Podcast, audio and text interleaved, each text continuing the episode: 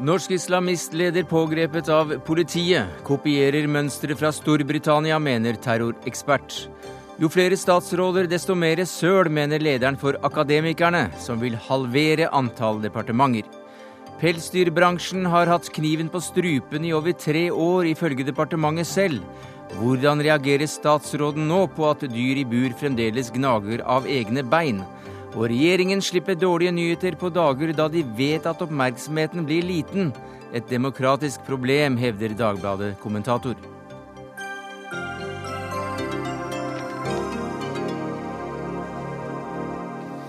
Ja, dette er noen av sakene i Dagsnytt 18 denne torsdagen, der vi også tar for oss interessemotsetningene mellom Kina og India, som vil få globale konsekvenser, ifølge Institutt for forsvarsstudier. Men først til uh, saken rundt uh, talspersonen for uh, islamistgruppen Profetens Umma, som i dag ble arrestert. Gikk, politiet gikk til væpnet aksjon for å arrestere Ubaydullah Hussain i hans hjem, og det lyktes ikke. Men Hussain meldte seg selv senere, fortalte politiet på en pressekonferanse. Og da pågrep dere altså den nå siktede. Og hva er han siktet for, Jon Roger Lund, du er stasjonssjef ved Stovner politistasjon? Ja, eh, vedkommende er sikta for eh, trusler. Og dette er svært alvorlige trusler som jeg dessverre av eh, hensyn til etterforskning ikke kan si noe konkret om. Men hva kan du si om det, bortsett fra at det er trusler? Det jeg kan si, det er rett og slett det at disse truslene er fremsatt for henholdsvis én og to uker siden. Og det er fremsatt mot enkeltpersoner Eh, to enkeltpersoner. Og disse enkeltpersonene eh, dette gjelder, er klar over at eh, politiet etterforsker disse to sakene. Hvis det er så lenge siden vedkommende kom med disse truslene, hvorfor gikk dere til aksjon først i dag? Ja, Det har noe med den måten vi planlegger en aksjon på, at det skal passe inn også i timeplanen vår.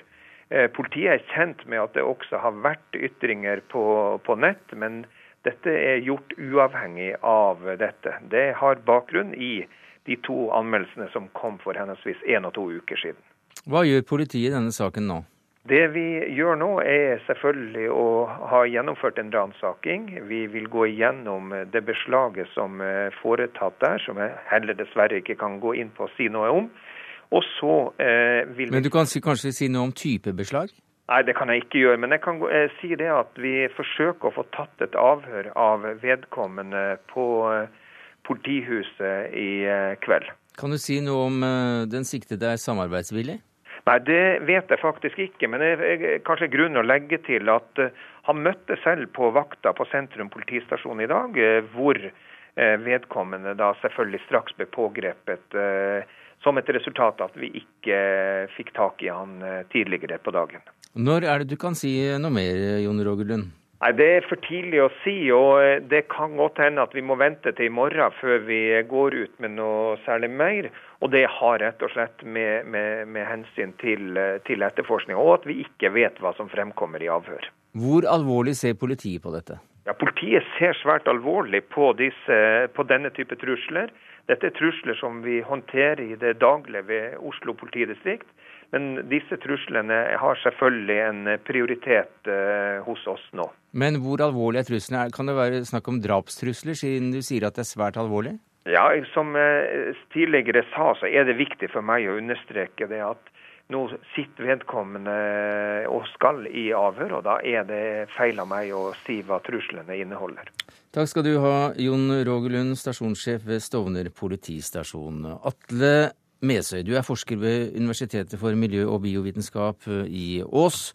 Og du har forsket også på terror. Og vi skal ikke diskutere disse truslene rettet mot enkeltpersoner her, men eh, mannen som er pågrepet, skrev i går på Facebook eh, om, om jødene sitat Jeg skal gi dem beskyttelse, jeg, inshallah, så fort jeg har tatt jegerprøven og får tak i en AK-47. Eh, dette var en kommentar til en reportasje om at norske jøder føler seg truet og savner beskyttelse. Hvor alvorlig eh, skal vi ta det når en talsperson for en islamistgruppering sier og, skriver slike ting? Jeg tenker at man skal ta det alvorlig, men man skal samtidig se det i en kontekst. Og den eh, konteksten er her at det ble ytret på nettet. Og på nettet så blir det ytret mye eh, som man nødvendigvis ikke sier i det åpne rom. Det er vel et åpent rom å si det på en Facebook-side, er det ikke det? da? Eh, det kan man si, men for å si det sånn, da, i, i, det, i det, vanlige livet eh, så skiller det seg på hvordan personer uttrykker seg på nettet, og hvordan de uttrykker seg i det vanlige livet, eh, eller online, offline. Og, og, svært mange vil uttrykke seg mer ekstremt på nettet hvor de føler at det kanskje er en større eh, hvor de føler at det er en større arena og mer støtte de har der. Så du legger ikke så stor vekt på disse truslene fordi de er kommet på en Facebook-side? Eh, jeg sier at eh, jeg mener absolutt at man må ta det alvorlig. Eh, men samtidig så må man se det at det er kanskje det, er skrevet på, en, Facebook-side, og dermed så kan man se at det da har kanskje vært lagt til litt ekstra som man ikke ville gjort i det vanlige livet. Hva sier du til dette, Anine Kierulf? Du er stipendiat ved Institutt for offentlig rett ved Universitetet i Oslo, og du kjenner godt til problematikken rundt ytringsfrihet. Ja, Utgangspunktet er jo at alle har ytringsfrihet til å si det de vil. Eh, men så finnes det noen eh, lovpålagte grenser eh, for å verne f.eks. æren, eller også mot denne type trusler. Hvis en trussel skal være straffbar og dermed ulovlig, så, så, kreves det at det er en trussel om en straffbar handling. Og det kreves også at den er egnet til å fremkalle alvorlig frykt. Det kan denne type trusler etter min oppfatning være. Jeg er helt enig i at man ofte uttrykker seg på Facebook på en annen måte enn man kanskje kunne gjort iallfall i andre skriftlige innlegg. Slik bærer det mer preg av en type muntlighet formet i skrift. Eh, samtidig så er det helt klart at eh, denne type trusler, dersom de tolkes til å være trusler. Og det forutsetter en kontekstuell tolking og også en, en, en bredere forståelse av hva disse personene for så vidt står for. Så, eh, så, er det ikke noen unnskyldning å fremsette dem på Facebook. Eh, vi hadde jo denne Berge-kjennelsen forleden, mm. som, hvor det ble klart at det var noen type Eh, ytringsbegrensninger som ikke gjelder på nett. Dette er ikke en av dem. Trusler eh, fremsatt på internett er like straffbare som trusler fremsatt eh, i den øvrige offentlighet. Men Mese, samtidig sier du at dette er noe av det mest alvorlige du har sett. Ja, det er alvorlig fordi at det er en uh, mann som fremstår som uh, gjennomtenkt. At uh, når han uttaler seg i, i media, han uttalte seg til Morgenbladet f.eks., så er det en person som, eh, som, viser at han har en forståelse for hva han snakker om. Og at han eh, er såpass eh, tydelig i sine uttalelser. Det betyr mye. Samtidig som han da er med og leder en ny gruppe som er, som er såpass stor, og dette er noe vi ikke har sett i Norge tidligere. Da Underbygger slike fakta uh, truslenes alvorlighet? Ja, det er, det er, helt klart relevante faktorer for å tolke om dette er eh, å forstå som en trussel eller som, eh, som noe annet. Altså Man kan jo tenke seg en lunsjbordsamtale hvor man sier man vil kverke en kollega. Det eh, er jo i seg selv isolert eh, en trussel, men eh, den er åpenbart ikke egnet til å skremme fordi det er spøk. Men det er klart at denne type eh, forståelse av en, en persons øvrige holdninger og ytringer, de kan bidra til å underbygge bildet av at det er en straffbar trussel man står overfor. Det som er viktig, er jo at man tenke gjennom hva det er som gjør at dette er skremmende. Eh, slik at man ikke havner i en situasjon hvor eh, enkelte grupper, eh, fordi de er mer fremmed for oss enn andre og, lettere forbindes med en truende atferd, bedømmes på en annen måte enn andre ytringer. Som harmløse islamister? Eventuelt. Harmløse islamister, det, det å knytte en type trusselvurdering eller skremselsvurdering utelukkende til en etnisk eller religiøs gruppe, er selvfølgelig problematisk. Mm. Så er det jo noen av disse fordommene som det er mer grunnlag for å ha enn andre, rett og slett fordi man har et større eh, empirisk eh, grunnlag for å si at dette eh, oftere kan lede til eh, faktiske voldshandlinger eller, eller lignende. Men, men, man skal være oppmerksom på at eh, det kan være fordommer som styrer eh, oppfattelsen av mm. frykt også i sånne sammenhenger. Vi har altså fått vite at medlemmer av denne gruppen til den eh, nå arresterte eh, har reist, eller han som sitter i forhør, har reist til Syria for å krige side om side med Al Qaida. Det snakkes om angrep på Norge, og det snakkes om angrep på jøder. Eh, hva sier det om, om disse unge islamistene? Der, der, tror jeg det er viktig å, å, å se at det er ikke nødvendigvis bare Al Qaida de reiser for å støtte opp om. De, de, reiser for å delta i en krig. Noe som de mener at er svært viktig, og at de har en plikt til å gjøre som muslimer. I hvilken gruppe de havner der nede, det syns jeg er litt vanskelig å vite. Mm. Men å si at de reiser direkte ned til Al Qaida, det blir misvisende. Ja. Men da trykker vi tilbake til det. Men uh, uansett så er det ikke lenge siden f.eks. en dagsrevy måtte til Storbritannia for å få kontroversielle utsagn på tape. Nå uh, kan vi intervjue dem her. Hva har skjedd? Ja, det har eh, skjedd en, en forandring som Eh, man kan si at det vi har sett i Storbritannia tidligere, har vi, har vi nå eh, tendenser til i Norge. Og noen av de samme Man kan, man kan se en slags uh, tradisjon der som bygget seg opp over flere år. Hvor eh, islamister fikk en, fikk en, en relativt stor posisjon um, og ble en slags slags maktfaktor, som vi vet også da fikk eh, store utslag i forhold til eh, terrorangrep.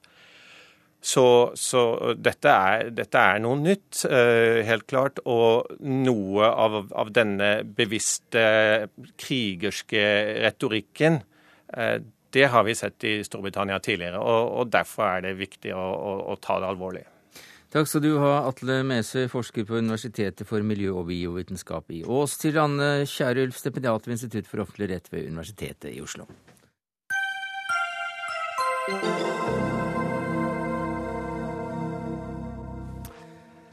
Det statlige byråkratiet er eh, under debatt. I det siste har vi kunnet lese mm, høytstående embetsmenn okke seg over dårlig effektivitet på egne arbeidsplasser. Aftenposten skriver i dag om rekordhøy vekst i antallet departementsansatte. Og i dag hørte vi Akademikernes leder Knut Årbakke foreslå i Nyhetsmorgen i NRK at antallet departementer burde halveres. Og hvorfor må vi da slanke antall departementer, Årbakke? Det er først og fremst for å få mer helhetlig politikk. I dag så har vi 17 departementer og 19 statsråder pluss statsministeren og hans stab. Mm. Og det er klart at eh, skal du ha eh, en helhetlig f.eks. politikk på matområdet, eller på innovasjon- og forskningsområdet, eller på forebyggende helse, eller hva det er, så er det en fordel at ett eller iallfall færre departementer har ansvaret for hele det politikkområdet. Sånn som det er i dag, så kan du risikere at en sak har interesser i ti forskjellige departementer. Mm. Kan du gi et konkret eksempel? Ja, Hvis du tar forebyggende helse, da, så er jo det noe som helseministeren har sagt er kjempeviktig. og Det er jeg helt enig med han i. Han har ansvar for sykehusene. Kommunene har ansvar for primærhelsetjenesten. Eh, Fiskeridepartementet har ansvar for markedsføringen av fisk. Landbruksdepartementet for markedsføringen av frukt og grønt. Barne- og likestillingsdepartementet har ansvaret for eh, markedsføringen av eh, godteri og usunn mat. Eh, Samferdselsdepartementet har ansvaret for sykkelveier. Altså, Du kan lage den listen så lang som bare det. Og jeg tror at hadde du laget noe færre departementer som kunne hatt et større ansvar for helheten i politikken, så ville du også både gjort det spennende, enda mer spennende å jobbe der. Altså Da kunne du følt at du har mer eh, innflytelse. Samtidig som du ikke fikk den silotenkningen som jeg mener vi nå eh, stadig oftere ser, der det er politikere og for så vidt embetsverk som blir veldig opptatt av sine egne hjertesaker. Og så er det litt sånn eh, drit i Norge, leve Toten. Rigmor Aasrud, fornyingsminister. Det siste får stå for Årbakkes eh, regning. Men silotenkningen det er vel også noe som også snakkes om i departementene. Er, eh, er, er dette tankegods som, eh, som, du er opptatt av? Jeg tror på en, I ethvert system så skal en være opptatt av hvordan man organiserer seg. Men jeg syns jo de eksemplene som Årbakke her trekker fram, viser at det kommer til å bli et ganske merkelig departement, der du skulle ha gangveier og sykehus og, og fisk eh, i, i, samme departementet. Så det viser jo at uansett hvordan vi organiserer oss, så vil det være noen grensesnitt mellom departementene som det er viktig at vi har fokus på. Og jeg tror det er viktig at vi har ledere som tenker mer på tvers. Eh, men jeg tror ikke løsningen er å komme ned på ni departementer, sånn som Aarbakke her foreslår. Jeg tror det er viktig at vi eh, sørger for at man har oppmerksomhet om de felta man har ansvar for. Og da tror jeg ikke løsningen er å legge enda mer arbeidsoppgaver inn under den enkelte statsråden. Ja, men altså, det, altså Om det er ni eller ti eller elleve jeg tror det, Hvis du går tilbake i tiden, så ser du at for hvert tiår omtrent så har det kommet ett departement ekstra. Og så når det er koalisjonsregjeringer, så har det en tendens til å ese litt ut. Da blir det gjerne et ekstra da også. Eh, jeg tror det er på tide å tenke litt nytt. Tenke at eh, vi trenger litt større strukturer med større helhet. Eh, jeg hører det du sier i forhold til at du vil alltid ha ting som flere departement vil ha interesser i. Det er helt riktig. Men, men ta et annet eksempel. Hvis du tenker innenfor det vi kaller næringsvirksomhet. Så har vi altså Landbruksdepartementet som har ansvaret for landbruket. Så har du Fiskeridepartementet som har ansvar for fiskeri og, og kystpolitikk. Så har du eh, Olje- og energidepartementet som har ansvaret for den delen av næringsvirksomheten. Og så har du et næringsdepartement som liksom har ansvar for resten. Mm. Kanskje vi kunne samlet det i et stort næringsdepartement som så alt det vi trenger innenfor innovasjon, nyskapning, eh, innenfor næringsvirksomhet under ett. Mm. Jeg tror det kunne gjort eh, politikken mer helhetlig, og også den politiske debatt enda mer spennende. Hva sier du til det, Jan Tore Sanner, nestleder i Høyre? Jeg syns det er spesielt interessant at det er eh, representant for de ansatte som reiser denne debatten. Mm. Fordi at eh, akademikerne de organiserer jo veldig mange av de som jobber i departementene. Eh, og det at de reiser den, den debatten, det syns jeg er veldig interessant. Jeg er ikke i stand til nå å ta stilling til hvor mange departementer det skal være, men jeg syns det er interessant.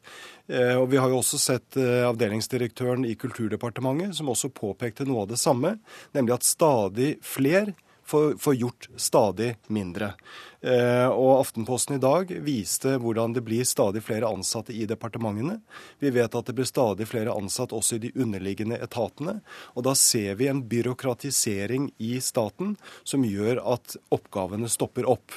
Uh, og det, det, er jo noen sånne morsomme eksempler som også var nevnt i Aftenposten i dag, at du trenger syv ansatte for å skifte en pære i Forsvaret. Og det er ikke fordi at folk i Forsvaret ikke kan skifte pærer, men det er fordi at man har laget et sånt system som gjør at skal du mm. skifte en pære, så er du nødt til å, å, å, å rapportere og bestille og det ene med det andre. Og dette må vi rydde opp i. Jeg er enig i at vi skal gå gjennom og se om vi rapporterer for mye i det offentlige. Det tror jeg det er grunn til. Men når det har vært en stor økning i antall ansatte i offentlig sektor, er jo det en villa politikk fra regjeringa. Det har blitt 40 40 flere unger som får hjelp i barnevernet fra 2005. Det er klart, Der trenger vi flere ansatte. Når Statens vegvesen har fått økt budsjettene sine fra 20 milliarder til 42 milliarder, så trenger vi noen flere ingeniører til å planlegge. Og når vi har satsa på universitet og høyskoler, så blir det flere som skal undervise de som går der. Så det er viktig. og de... Men, men, men la oss holde fast litt ved organiseringen av alle disse ansatte, da, som også da mange av dem kommer inn i departementene. og om eh, man ikke skal reorganisere departementsstrukturen en eh, smule. Eh, det er kanskje ikke noen veldig god tanke for en som håper å kunne være med i neste kabal, eller styre kaballeggingen her, Sanner. Altså, da blir det jo mye færre minister å, å, å fordele godene på her. Ja, det, det, Vanskeligere forhandlinger. Jeg ser ikke bort ifra at noen kan, kan tenke, tenke ja. sånn. Men, eh, men, men, jeg, men, som sagt, eh, jeg, jeg syns at dette er en utrolig viktig debatt. Fordi at det handler om hvordan vi organiserer mm. hele offentlig sektor. Og jeg er ikke uenig i Aasrud at uh, at det er, det er, krevende når det blir flere barn i barnevernet og når du skal bygge flere veier. Men det er jo likevel et paradoks at veksten i antall ansatte i de norske, eh, norske etatene det vokser mye mer enn det de har gjort i Sverige. Og Sverige øker også vei, veibudsjettet. Mm. Eh, og det er denne økningen i departementene og underliggende etater som jeg mener er et problem. Mm. Eh, og nå har vi en regjering som sier at jo da, vi skal tenke på det, og det har de gjort i, i syv år. Og da du trenger, du trenger noen som sier at nå må vi se på hvordan vi kan løse flere oppgaver uten at vi ansetter flere mennesker. Og når de ansatte selv reiser den debatten, ja. så mener jeg at vi som politikere skal si at ja, den skal vi også være med på. La oss nå holde oss til akkurat den debatten om organiseringen av departementsstrukturen, og ikke akkurat offentlige ansatte i, eh, i kommuner og fylker også. Eh, for det som Sanner sier her, det er jo at det er spesielt interessant når det er dere som organiserer de som arbeider i departementene, som reiser den der. Så hvorfor gjør dere det? Er det fordi at jobben faktisk er blitt kjedelig? Nei. Altså hvis du spør Er det umulig? Nei, ja, det er mange vanskelige oppgaver ja, ja. og, og vanskelige det, det ut forventninger eh, for disse politikerne. Det rekker, Men- det rekker, rekker jo ut frustrasjon fra departementstopper som sier at nå er det for mye rør her. Ja, og det, det, det er for mye rapportering, og det er for mye eh, det man oppfatter som liksom utenomfaglig virksomhet som ikke egentlig bringer noe særlig videre. Det tror jeg på. Eh, vi, vårt utspill handler ikke først og fremst om å redusere antall ansatte. Det handler om å gjøre tjenestene bedre, gjøre politikken bedre, gjøre politikken mer helhetlig. Vet, departementene, altså De som jobber i departementene, de, det er sekretariatet til regjeringen. ikke sant? Altså Det er det politiske sekretariatet. De som forbereder og legger beslutningsgrunnlag når politikerne skal, skal bestemme. De ønsker å gjøre en så god jobb som mulig. De ønsker å jobbe med utredninger, jobbe med faglige spørsmål som de er utdannet for å gjøre. Her er det jo masse flott utdannede folk som, gjør, som ønsker å bruke faget sitt. Det vi opplever, det er at flere sier at jeg sitter med et lite ansvarsområde. Det er for så vidt interessant nok, men jeg ser ikke den store helheten. Jeg skjønner ikke helt hva dette skal brukes til. Da tror vi at man må se på hele organiseringen. En innenriksminister, en utenriksminister og kanskje en liten krigsministertaburett også. Det hadde holdt. eh, Ja, det er jo heldigvis statsministre som skal organisere hvordan man har departementer. Jeg tror vi trenger flere departementer. Og så er det ikke sånn når vi gjør medarbeiderundersøkelser at medarbeidere syns de har kjedelige arbeidsoppgaver, og de har mye å gjøre. Og det skyldes jo at vi har veldig mye som vi jobber med i regjeringa. Men det er én ting jeg er veldig enig i, og det er at vi må se på hvor mye rapportering vi driver med. Og jeg tror også at man kan stille noen spørsmål. Jeg har sett på noen av spørsmåla vi får fra Stortinget nå i forbindelse med budsjettarbeid f.eks. Det er kanskje noen av dem de kunne ha unngått å stille. Så jeg tror vi må sette oss ned alle sammen og se på hvor mye rapportering og hvor mye man etterspør av opplysninger også fra Stortingets side. det har jeg lyst til å svare på. fordi at vi, vi, har, stilt, vi, ja, vi har stilt to spørsmål eh, som, eh, som Aasrud ikke kan svare på. Og det er hvor mye bruker departementene på konsulenter? Og hvor mye bruker departementene på PR-rådgivere? Men det kunne når- tenke seg at det også var ganske mye, eller eh, ikke mer, hvis det hadde vært ni eller ti departementer. Jo, men jeg syns det er ganske oppsiktsvekkende at eh, regjeringen og statsrådene som har ansvar for modernisering og ansvaret for statlig sektor, ikke vet hvor mye penger man bruker på konsulenter. Ja, men da, det, da, det er altså med skam å melde, Jan Tore Sanne, nestleder i Høyre. En annen debatt som vi gjerne tar neste gang eh, med Rigmor Aasrud, takk skal du også ha, og Knut Årbakke, leder i Akademikerne.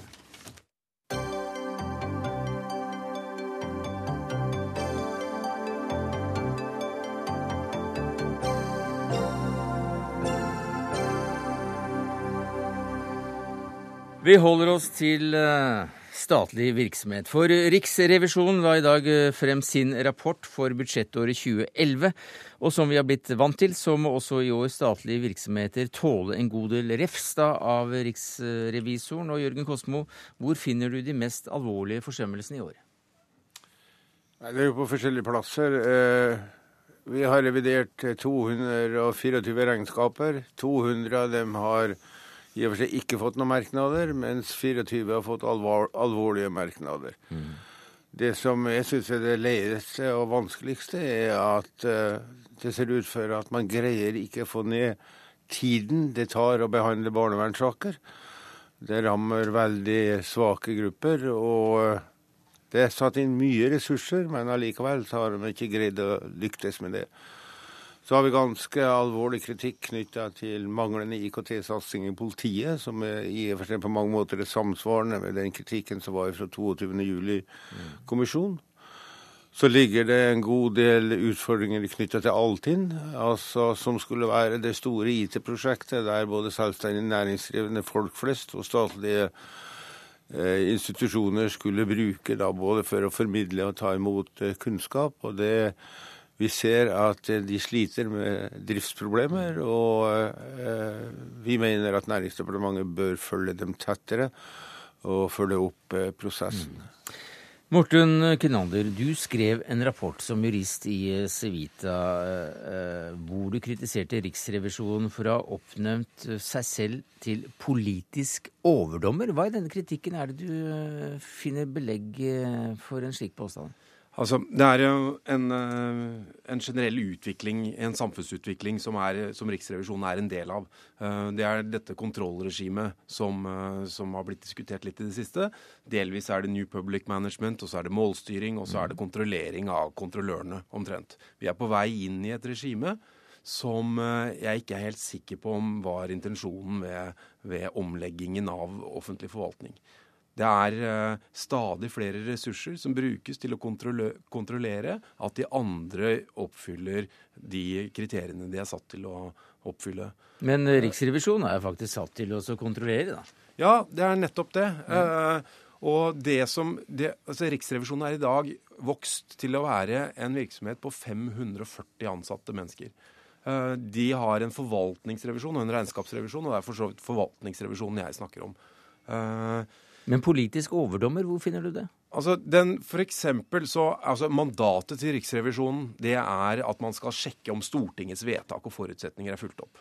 Og Det står også i dokumentene som styrer Riksrevisjonens grunnlag, at man skal se, man skal se på saker av stor samfunnsmessig eh, og prinsipiell betydning. Det er ingenting av det eh, Kosmo har sagt her som ikke er av stor samfunnsmessig betydning? Ja, men vi kan jo lure på f.eks. da altså Her står det som i en, i en uh, oppsummering av hovedfunnene, så står det at når det gjelder Barne-, likestillings- og inkluderingsdepartementet, så står det at kontaktutvalget mellom innvandrerbefolkningen og myndighetene, KIM, har fått revisjonsbrev med merknad. Riksrevisjonen finner det kritikkverdig at arkivfunksjonen i KIM har mangler og svakheter som gjør at det ikke er mulig å etterprøve om virksomhetens primæroppgaver er tilfredsstillende gjennomført. Jeg stiller meg tvilende til om et flertall på Stortinget har en bestemt oppfatning av denne store samfunnsmessige prinsipielle betydningen. Som du mener er ganske politisk? Ja, altså, den, altså Poenget med enhver forvaltningsrevisjon er at den store skjønnsmessige vurderingsrom. Og Riksrevisjonens resultater har en tendens til å bli presentert som det er to streker under svaret. Altså, jeg mener jo hans utgangspunkt er ganske feilaktig. Eh, når man for å få til en mer effektiv utvikling av offentlig tjenesteproduksjon gikk over til mål- og resultatstyring, både i kommunesektor, i fylkessektoren og i statlig sektor i særdeleshet, så ligger det i sakens natur at eh, når forvaltningen får større frihet til å gjøre sine valg, så må man gjøre valgene opp imot de mål og de retningslinjer som Stortinget har trukket opp, bl.a. gjennom lovgivning. Vi har også fått en rettighetsutvikling i samfunnet der befolkningen har fått lovmessige rettigheter til tjenesteproduksjon på en rekke områder. Så det er altså forklaringer til at denne rollen er blitt litt utvidet? Ja, det er jo forklaringer til dette, men men, men du beklager det, eller du sier at det er ikke hjemmel for det? Det, det å opptre som en overdommer overfor um, statlig virksomhet? Ja, f.eks. så sier man, uh, har man tidligere kritisert politiet for å ha for lav oppklaringsprosent på vinningskriminalitet.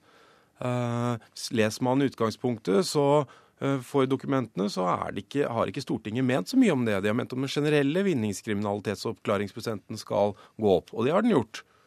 Men eh, så har man satt, sett seg ut av vinningskriminalitet som et særlig viktig område.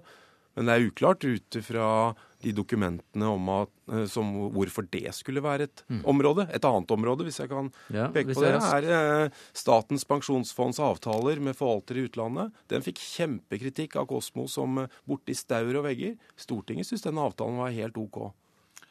Ja, Det ligger jo litt i sakens natur da, at Riksrevisjonen også er nødt til å prioritere mellom de mål som Stortinget eh, fastsetter. Og Når det gjelder vinningskriminalitet, så er det en kriminalitetstype som vokser, og som eh, berører folk flest. Bare, bare f.eks. dette med boliginnbrudd. Og både politiet og andre har behov for at Riksrevisjonen som en uavhengig etat og institusjon går gjennom dette og kommer med sine merknader. Ja, er, det, er, er, det, er, det, din oppgave å gjøre akkurat det? Ja, det, det ligger i det. fordi... Det ligger i ditt mandat? Det ligger i mitt mandat. og det er du uenig i? Ja, jeg er litt uenig i det. Ja. Uh, og en annen ting er Hvor, at Hvorfor det? Altså, dere ser jo den samme teksten. Mandatet vet dere begge to hva er? Ja, det er jo litt for forskjellige fortolkninger ja, av hva Stortingets forutsetninger er. Ja. Uh, det står i, i, retningslinjene til Riksrevisjonen at det skal være kommet til uttrykk blant et flertall av medlemmene på Stortinget. Uh, og det syns jeg vel kanskje ofte det ikke kan si, med rette sies. Det stemmer overhodet ikke. Vi følger nøye med hva som er Stortingets flertall og mindretall.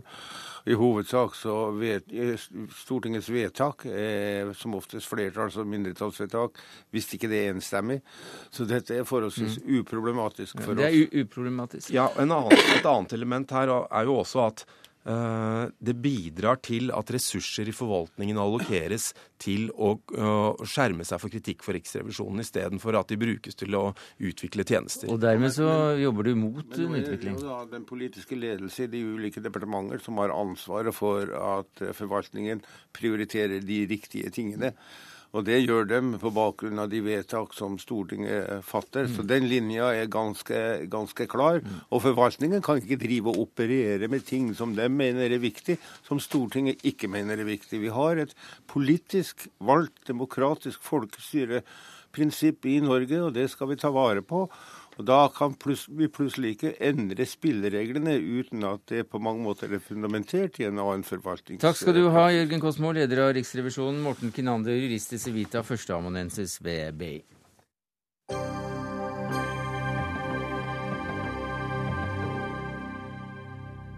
Forholdet mellom eh, Kina og India er eh, neste tema. Vi snakker altså om eh, landene der en drøy tredel av alle menneskene i hele verden bor, og med en rask voksende innflytelse på verdensarenaen. Men dette er samtidig også et forhold med interessekonflikter som vil ha globale konsekvenser skriver to forskere ved Institutt for forsvarsstudier i Dagsavisen. Og Hvilke eh, interessekonflikter er det som kan få globale følger, eh, som dere sikter til, seniorforsker Sunniva Eng? Jo, det er jo nettopp det at det dreier seg om verdens to mest folkerike, folkerike land.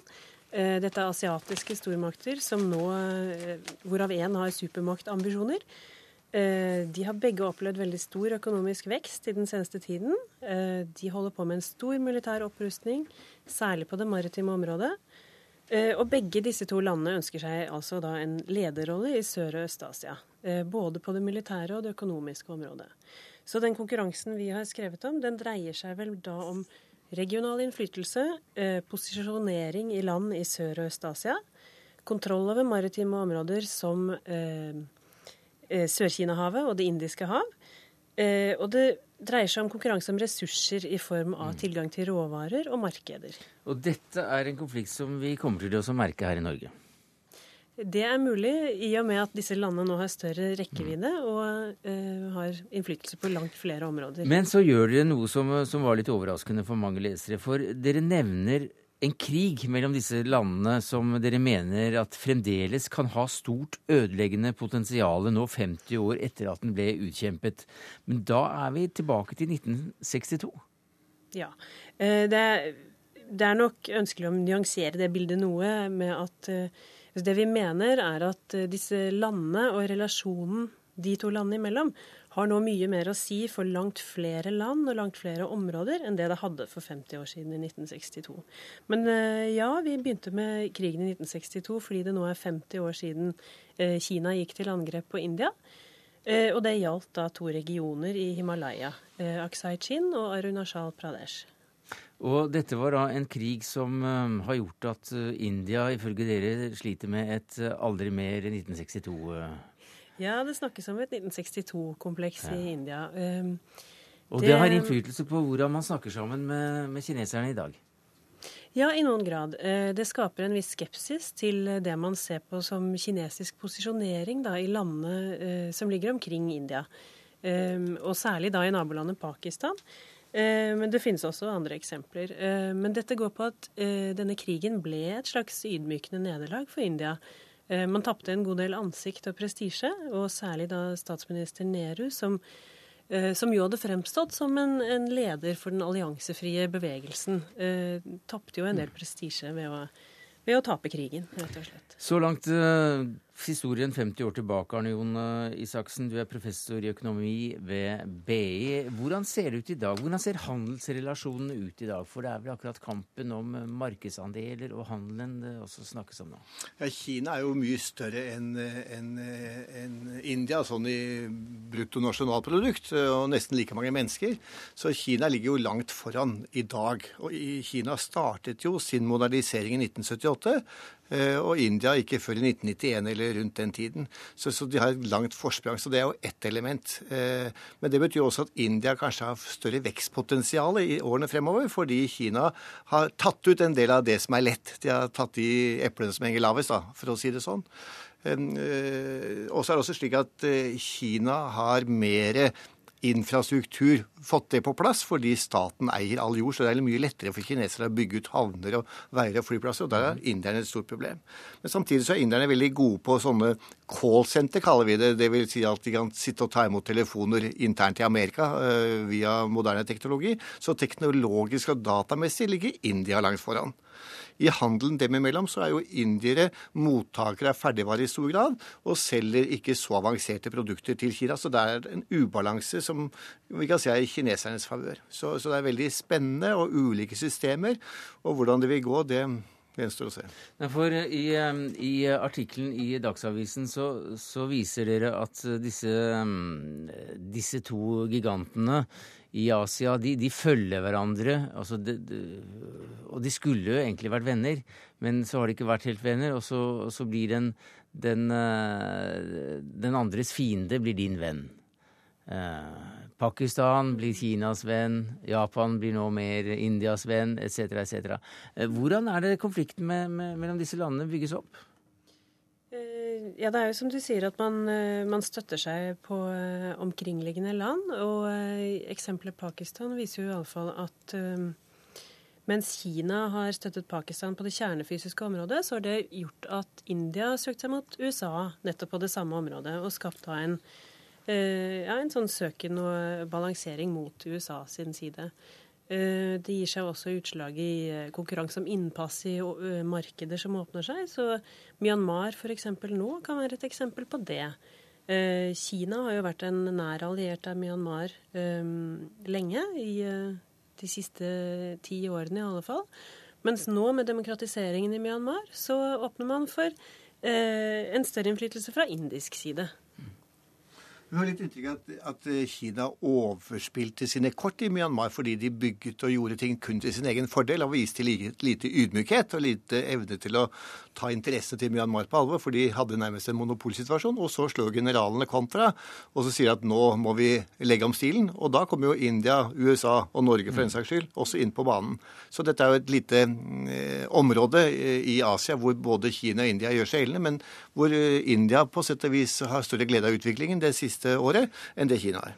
Men eh, du nevnte altså hvem som har det største vekstpotensialet, at det kanskje var, var India. Men, eh, men samtidig nevnte du at det er lett lettere i Kina, for at det er statlig styring, det er staten som eier, og staten kan gjøre så å si hva de vil, i hvert fall i større grad enn i et demokrati. Men mange peker jo akkurat på demokratiet som en nøkkel for økonomisk eh, vekst, fordi at det er bedre fundert. Ja, jeg tror demokrati er viktig for politisk langsiktig overlevelse. At det gir en uh, mer solid uh, grunnmur. Man kan diskutere i hvilken grad er det et fungerende demokrati i India, og det vet jeg lite om. Men jeg vet i hvert fall at det ikke er noe demokrati i Kina. Så, så min følelse er at Kina er i en situasjon hvor de kan ikke fortsette med det de har nå i 20-30 år til. Det må skje noe. Og der er jo India ikke. Eh, men det India trenger, er jo å få korrupsjonen ned, få ytterligere liberalisering. De har startet, og så har de stoppet, og så må de nå i gang igjen eh, med en bedre økonomisk politikk. Og da er det mye som tyder på at de er litt i farta eh, i forhold til Kina. Og så har du jo et argument til, å begynne på det, det òg, det er demografi. Ja. At Kina blir jo gammelt før det blir rikt. For Kina er et uh, fattig land i stor grad, selv om det har gjort det bra. Eh, men eh, der kommer jo eldrebølgen i full, i full fart, og India er i motsatt situasjon. Fordi ettbarnspolitikken Ettbarnspolitikken har de høstet frukter av lenge, for da har de ikke brukt så mye penger på barneoppdragelse. for å si det sånn. Men nå må barna ta seg av gamlehjemmet. Og da får de den andre siden av den samme mynten. Er det slik at dere som da sitter og forsker på asiatisk sikkerhetspolitikk, frykter en ny og større krig mellom disse to snart supermaktene, i hvert fall stormaktene? Nei, Vi tror vel egentlig at uh, den økonomiske utviklingen uh, på hjemmebane er viktigere for begge disse to landene enn en ny potensiell konflikt. Vi tror ikke at det er noe som står på trappene akkurat nå. Takk skal du ha, Sunniva Eng, seniorforsker ved Senter for asiatiske sikkerhetsstudier ved, ved Institutt for forsvarsstudier. Arne Johan Isaksen, professor i økonomi ved BI.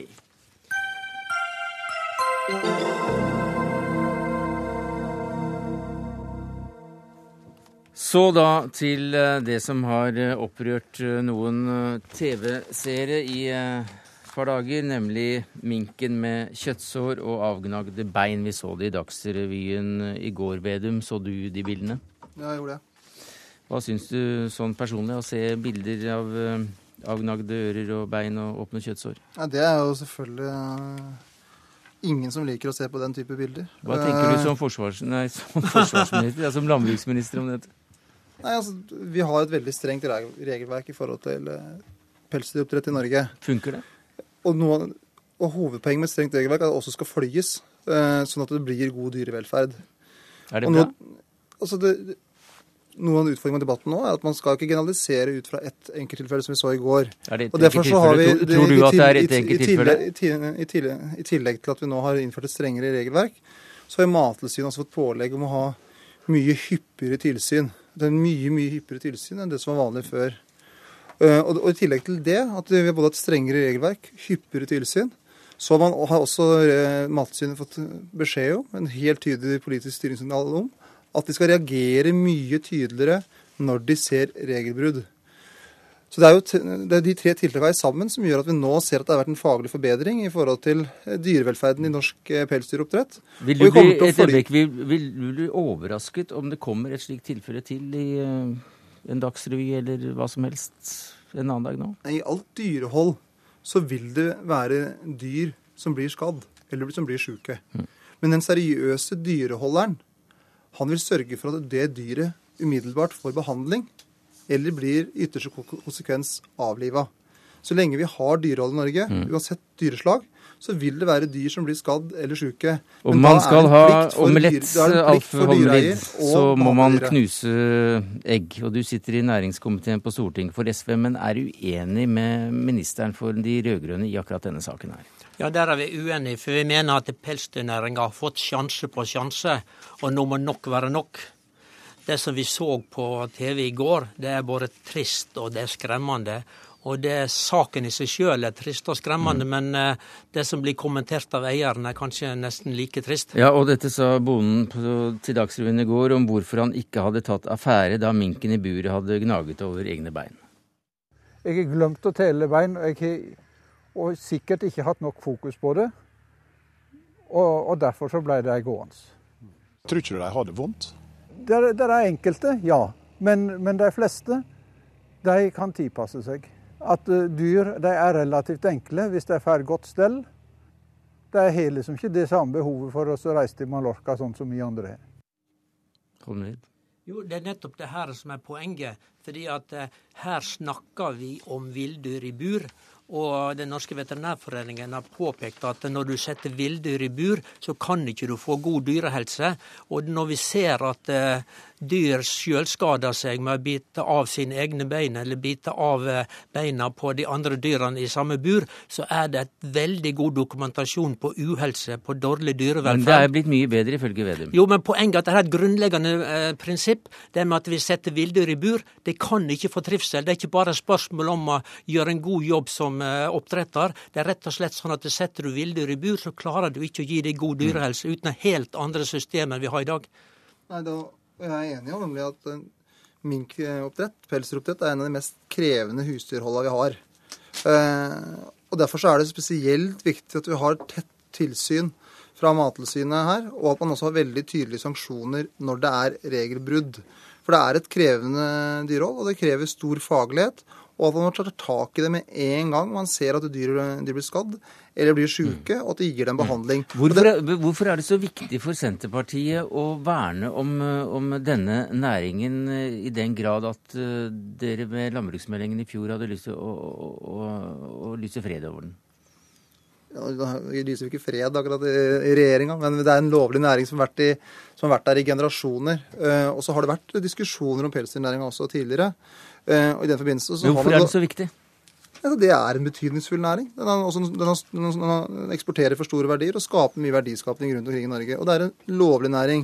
Og det nordiske pelsdyrholdet som det er i Norge, er det pelsdyrholdet i verden som holder, har strengest krav, og som har mest tilsyn, og som er mest gjennomsiktlig. Og, så, og vi, er, vi er, ønsker ikke å bare avvikle en lønnsom næring som også har vist veldig tydelig og klar vilje til forbedringer. Eh, Og gått seriøst inn i det og tar de kritikken de får, på, på det høyeste, høyeste alvor. Siri Martinsen, hva sier du til det som veterinær og daglig leder i NOAH for dyrs rettigheter? Det første eh, du sa, Vedum, da du ble landbruksminister eh, i forhold til dyrevelferd, var at pelsdyrnæringen skal opprettholdes. Punktum. Når du sa det, så viste du at det sentrale for Senterpartiet i posisjon er ikke å bedre dyrevelferd i Norge, det er å stagnere dyrevelferd. Eh, Som minister så har man faktisk ansvar for å være noe mer enn en representant for særinteresser. Man har ansvar for det øverste ansvar for dyrevelferd i Norge. Og det har du faktisk ikke vist deg verdig. Når du viser Nei, til disse reglene Et øyeblikk, vi må nesten få en kommentar til det. Ja, men altså, Jeg er jo helt uenig i den faktabeskrivelsen der, og det tror jeg Siri Martinsen er også sjøl. For du Nei, ser jo, det du ser jo når, men, men når du ser Hvilken landbruksminister er det som har innført strengest krav og flest tilsyn, til norsk pelsdyroppdrett noensinne? Jo, det er nettopp en Senterparti-statsråd med navn Lars Peder Brekk, som både innførte strengere regler, Mm. de strengeste reglene så vidt jeg vet i hele verden, og i tillegg eh, det mest hyppige tilsynet, og at det skal være uanmeldt og strenge sanksjoner. Det er ingen annen statsråd som har vært så tydelig overfor pelsdyrnæringa som eh, Senterpartiets Lars en Peder Brekk. vinkling på de reglene. Eh, De nye forskriftene for pelsdyroppdrett som ble laget av Mattilsynet, de, da de ble laget, ga dere i departementet veldig eh, strenge føringer til Mattilsynet.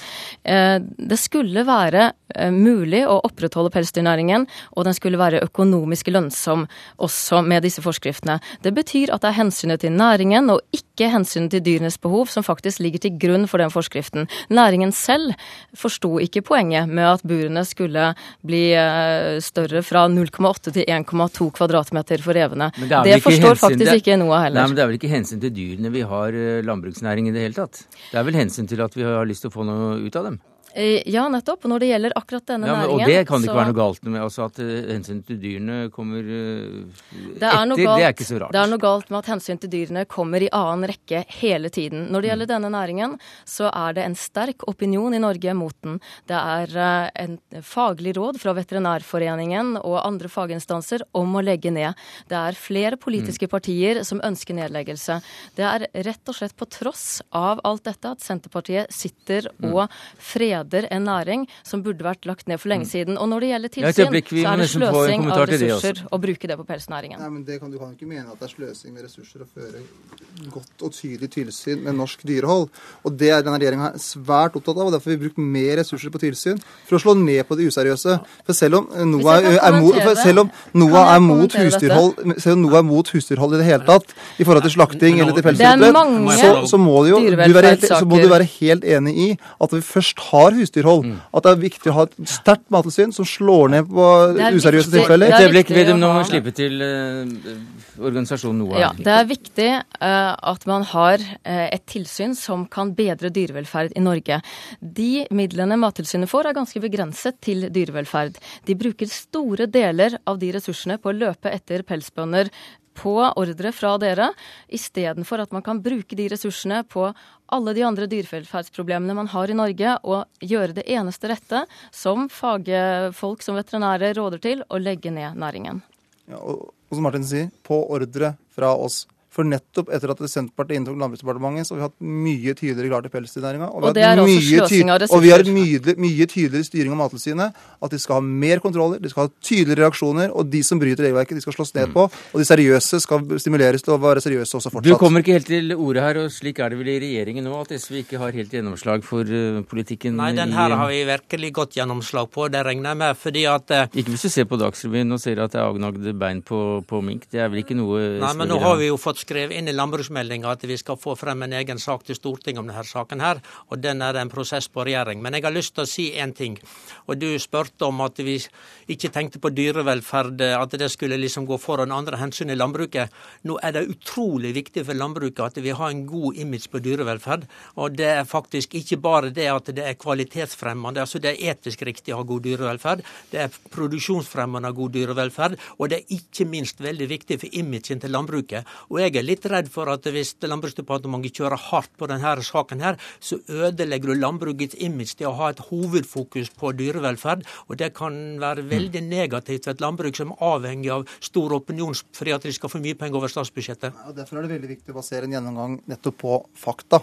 Og jeg tror ikke det er noen faglig uenighet heller hos NOA, at det nordiske pelsdyrholdet er det beste i verden. Jo, det er det har... absolutt uenighet på. Men bare ta et poeng der, fordi at de andre nordiske, en del av de andre nordiske landene de har stilt så strenge dyrevelferdskrav at det er ikke lønnsomt å drive lenger, og det blir lagt, lagt, ned. Så Poenget er jo det at her legger vi oss på et nivå som ikke er godt nok og for å opprettholde økonomien i næringa, og for mm. at du skal kunne fortsette med den. Det, det var ikke så veldig vanskelig for Danmark for eksempel, å gjøre det i forhold til rev, men de har jo 28% av verdens produksjon av mink. Så de har jo stimulert minkproduksjon voldsomt i Danmark, men de, har, de har fasa ut rev. Og der ser man nettopp poenget. Og, og de der hvor det er økonomiske interesser, så veier de altså tyngre. Men der det ikke er økonomiske interesser, så ser man at dyrevelferdsargumentene veier tyngre. Og når dyrevelferdsargumentene skal veie tungt, da legger man faktisk ned denne næringen. Det er flere land som har hatt en stor produksjon som nå er på vei til å legge ned, f.eks. Nederland. Det er ingenting som tilsier at eh, den sterke opinionen og engasjementet mot pelsdyroppdrett i Norge ikke skal tas hensyn til av regjeringen. Mm. Men Siri Martinsen, samtidig som du sier at det er en sterk opinion, så selger jo pels uh, mer enn noen gang. Det er uh, bonanzatider i, i næringen. Og mm. som uh, landbruksministeren sier her, så vil jo pels fra andre land bli kjøpt istedenfor fra Norge, da, og de har atskillig dårligere kår. Eh, det varierer nå litt. Kårene er nok ganske like. Først vil jeg si at mhm. hvis man skal ta det som en mal, at man skal aldri kunne forbedre seg på noe område fordi noen annen er verre, da ser man på total stagnasjon innenfor ikke bare dyrevelferd, men innenfor de fleste områder for bra utvikling. Når det gjelder salget, så stemmer det at det er salg, men det er stort sett i Kina og Russland. Det er land som faktisk ikke eh, har mulighet for en reell mm. dyrevelferdsdebatt. Men jeg har, jeg har lyst til å stille ministeren et kort spørsmål til slutt. For din forgjenger Lars Peder Brekk, som du skrøt av hadde innført alle disse strenge ordningene historisk, han sa i august 2009 bl.a. her i Dagsnytt 18 at nå har næringen kniven på strupen, og det er altså tre år siden. Hvor lenge kan man ha eh, kniven på strupen uten at det går høl på den? Men nå har det vært en faglig forbedring, også etter de tiltakene som Lars Peder Brekk satte i verk. Så du, så, så du er fornøyd? Poenget er at Vi skal aldri bli helt fornøyd, for vi skal alltid jobbe med, med forbedringer. Og ethvert tilfelle der det er brudd på regelverket, er ett tilfelle for mye. Takk skal du ha, Slagsvold landbruksminister fra Senterpartiet, Alf Holmlid, næringskomiteen på Stortinget for SV, Siri Martinsen, veterinær og daglig leder i NOAH for dyrs rettigheter.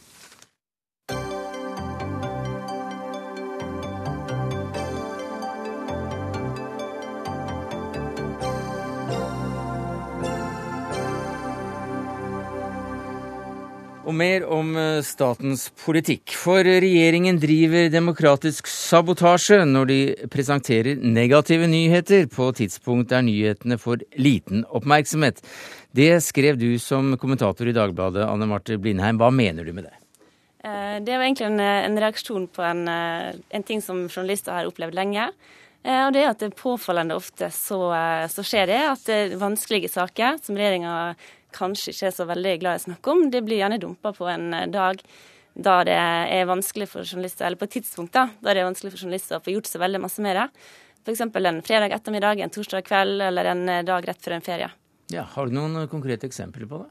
Ja, jeg har en del eksempler på det, bare sånn som jeg kom på sjøl da Jeg tenkte meg litt om. og Det var det siste eksempelet er jo da skattelistedagen. og det er jo Enten man liker det eller ei, så er jo det en stor begivenhet i norsk presse. Um, og Da bestemte regjeringa seg samme dag for at den dagen skulle de siste 22. juli-forklaringene til embetsmennene publiseres. Um, det var ikke det at eh, vi da ikke fikk gjort det, men det blir noe helt annet enn når man, når man må kaste seg rundt og ta det på sparket. Uh, enn om man kunne ha forberedt seg bedre på det. Og den det går utover til slutt, det er jo publikum. Tjudi-saken? Tjudi-saken, akkurat det samme. Den, uh, det var også dokument som vi hadde venta lenge på. Uh, og de valgte da regjeringa å offentliggjøre en fredag rett før 22. juli rettssaken starta. Så, så åpnet altså Riis-Johansen for oljeboring i strid med miljøråd uh, når? Ja, det var 2010, tror jeg det var. Og det er en, en rekke andre eksempel på Terje Riis-Johansen sin, sin, praksis der også. Blant annet så planla han jo å, å eh, droppe nyheten eh, om Mongstad-utsettelse under herrestafetten i VM. Og det ble jo da avslørt. Så mm. det... Mm. Og monstermaster under ja, det var vel også under, under samme mesterskap. Du, Det er en del pussige eksempler på tilfeldigheter her, Sindre Fossum Beyer. Du er politisk rådgiver ved statsministerens kontor, eller hva sier du? Nei, jeg syns egentlig ikke det. Eh, og de fleste sakene som kommer eh, fra regjeringa, de kommer jo på fredager. Eh, fordi det er statsråd da.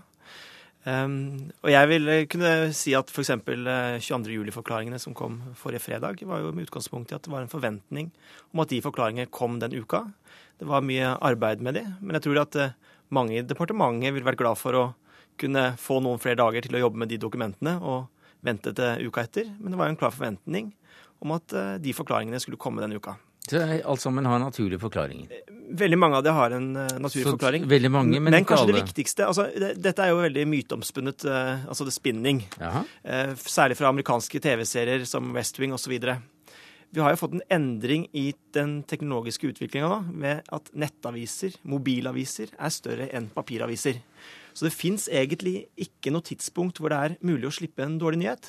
Fordi eh, folk leser nyheter på en annen måte. Jo, men eh, hvis, hvis, du slipper en, en, en, nyhet som du mener kan være kontroversiell og dårlig PR for regjeringen under herrestafetten i OL eller VM, så vet du vel hva du gjør? Jeg tror den ene saken du nevnte, eh, der var faktisk en eh, lekkasje, ikke en presentasjon. Aha, 15 km det monstermassene, da? Altså, Jeg husker jo ikke alle sakene her, men jeg tror det er eh, lite riktig. Jeg forstår at spekulasjonene kommer. Men de fleste sakene fra regjeringa de kommer på fredag etter statsråd. Mm. Så jeg er mer bekymra for at vi får presentert de gode sakene på en ordentlig måte, enn at vi måtte slipper saker på ugunstig tidspunkt, for det gjør vi ikke. Jeg syns det er en litt, eh, litt merkelig forklaring. Altså, vi kan jo aldri få i all, innsyn i alle samtalene som er ført på alle statsrådkontorer. Og selvfølgelig noen ganger så kan det jo hende at det, eh, sakene blir sluppet fordi de kom akkurat da, men det er jo veldig veldig mange tilfeldigheter her. Og det er et mønster som, eh, som gjør det veldig påfallende. Og jeg er jo ikke den første som merker meg dette her. Dette her er jo noe som journalister i en rekke andre medier også sliter med. Eh, så det er jo litt sånn pussig måte For alle vet at dette her er et sånt PR-triks. Det er bare veldig spekulativt at man benytter det. Er det alle, alle vet det? Nei, det er veldig mange som tror det, men ikke sant, åpenbar grunn er at det er statsråd på fredager, og mange nyheter kommer eh, etter eh, statsråd. Det er jo den åpenbare grunnen. Og jeg har aldri heller ikke opplevd at det er en mulig metode, fordi at eh, nå er det sånn at eh, man publiserer nyheter hele døgnet. Nettaviser er større enn papiraviser, så det fins ikke noe tidspunkt hvor det er mulig å drukne en dårlig nyhet. Det er ikke sånn at vi tenker at nå er journalisten ute på en fredag og eh, drikker øl, derfor slipper vi en, en dårlig nyhet. Eh, sånn fungerer det ikke. Har dette noe å si for forholdet mellom pressen og, og staten? Ja, det, det, er det jo, men det er jo ikke det viktigste her. Eh, først må jeg bare si det at eh, Sindre, det er jo selvfølgelig ikke sånn at det, det går an å snike seg unna mediedekning. Alle sakene blir jo dekt, men det blir jo dårligere dekt. Eh, for det er jo dårligere bemanning selv om vi har nettaviser på kveldstid, i helger osv. Um, og Det viktigste er ikke at det blir et dårlig forhold mellom pressen og staten. Det viktigste er at publikum får dårligere informasjon enn det ellers kunne ha fått. Og Det er et demokratiproblem eventuelt? Det syns jeg. Og hvis dette er bevisst, så er det en demokratisk sabotasje. Det er mitt ord på det. Men eh, det at eh, det er statsråd eh, på fredager, det er jo vel én forklaring? Det kan det være, men her er det jo veldig mange andre saker også enn en ting som er bestemt i statsråd. Så jeg syns det er en, en litt ikke så relevant forklaring. Nei. Altså, jeg har stor tillit til norske redaksjoner og journalister ved at de kan håndtere veldig mange saker på samme dag. Og jeg kan ikke forstå at eh, selv om skattelistene slippes på en fredag, så skal vi holde tilbake andre saker, fordi at eh, nå skal vi journalistene arbeidsro til å jobbe med skattelistene. Men eh, Sindre Fossum Beyer, hvis vi snur dette på hodet og, og, sier at det er vel helt legitimt for en regjering å, å, å ville bli gjenvalgt, og hvis den skal bli gjenvalgt, så må den prøve også å ikke flagge de negative sakene altfor sterkt og dermed så kan man servere de sakene på et tidspunkt som er, som er litt mer gunstig? Altså det viktigste for oss er å få fram resultatene til regjeringa på en god måte og gjøre det, gjør det, bra. Det er jo det viktigste for oss. Eh, og at vi sitter og plukker ut dager for negative nyheter, nei, det gjør vi ikke. Eh, kanskje, kanskje vi skal flytte statsråd til en torsdag? Jeg tror vi holder den på fredager, og jeg tror også Anne Marte Blindheim kan holde, synes at det er greit. En uh, torsdag hadde passet fint, for da hadde vi tatt det med i Dagsnytt 18, som er slutt. Anne Marte Blindheim, takk skal du ha. Sindre Fossum Beyer likeså. Det hele ble presentert takket være den ansvarlige for sendinga, Ida Tune Øretsland. Det tekniske ansvaret hadde Finn Lie. Jeg heter Sverre Tom Radøy.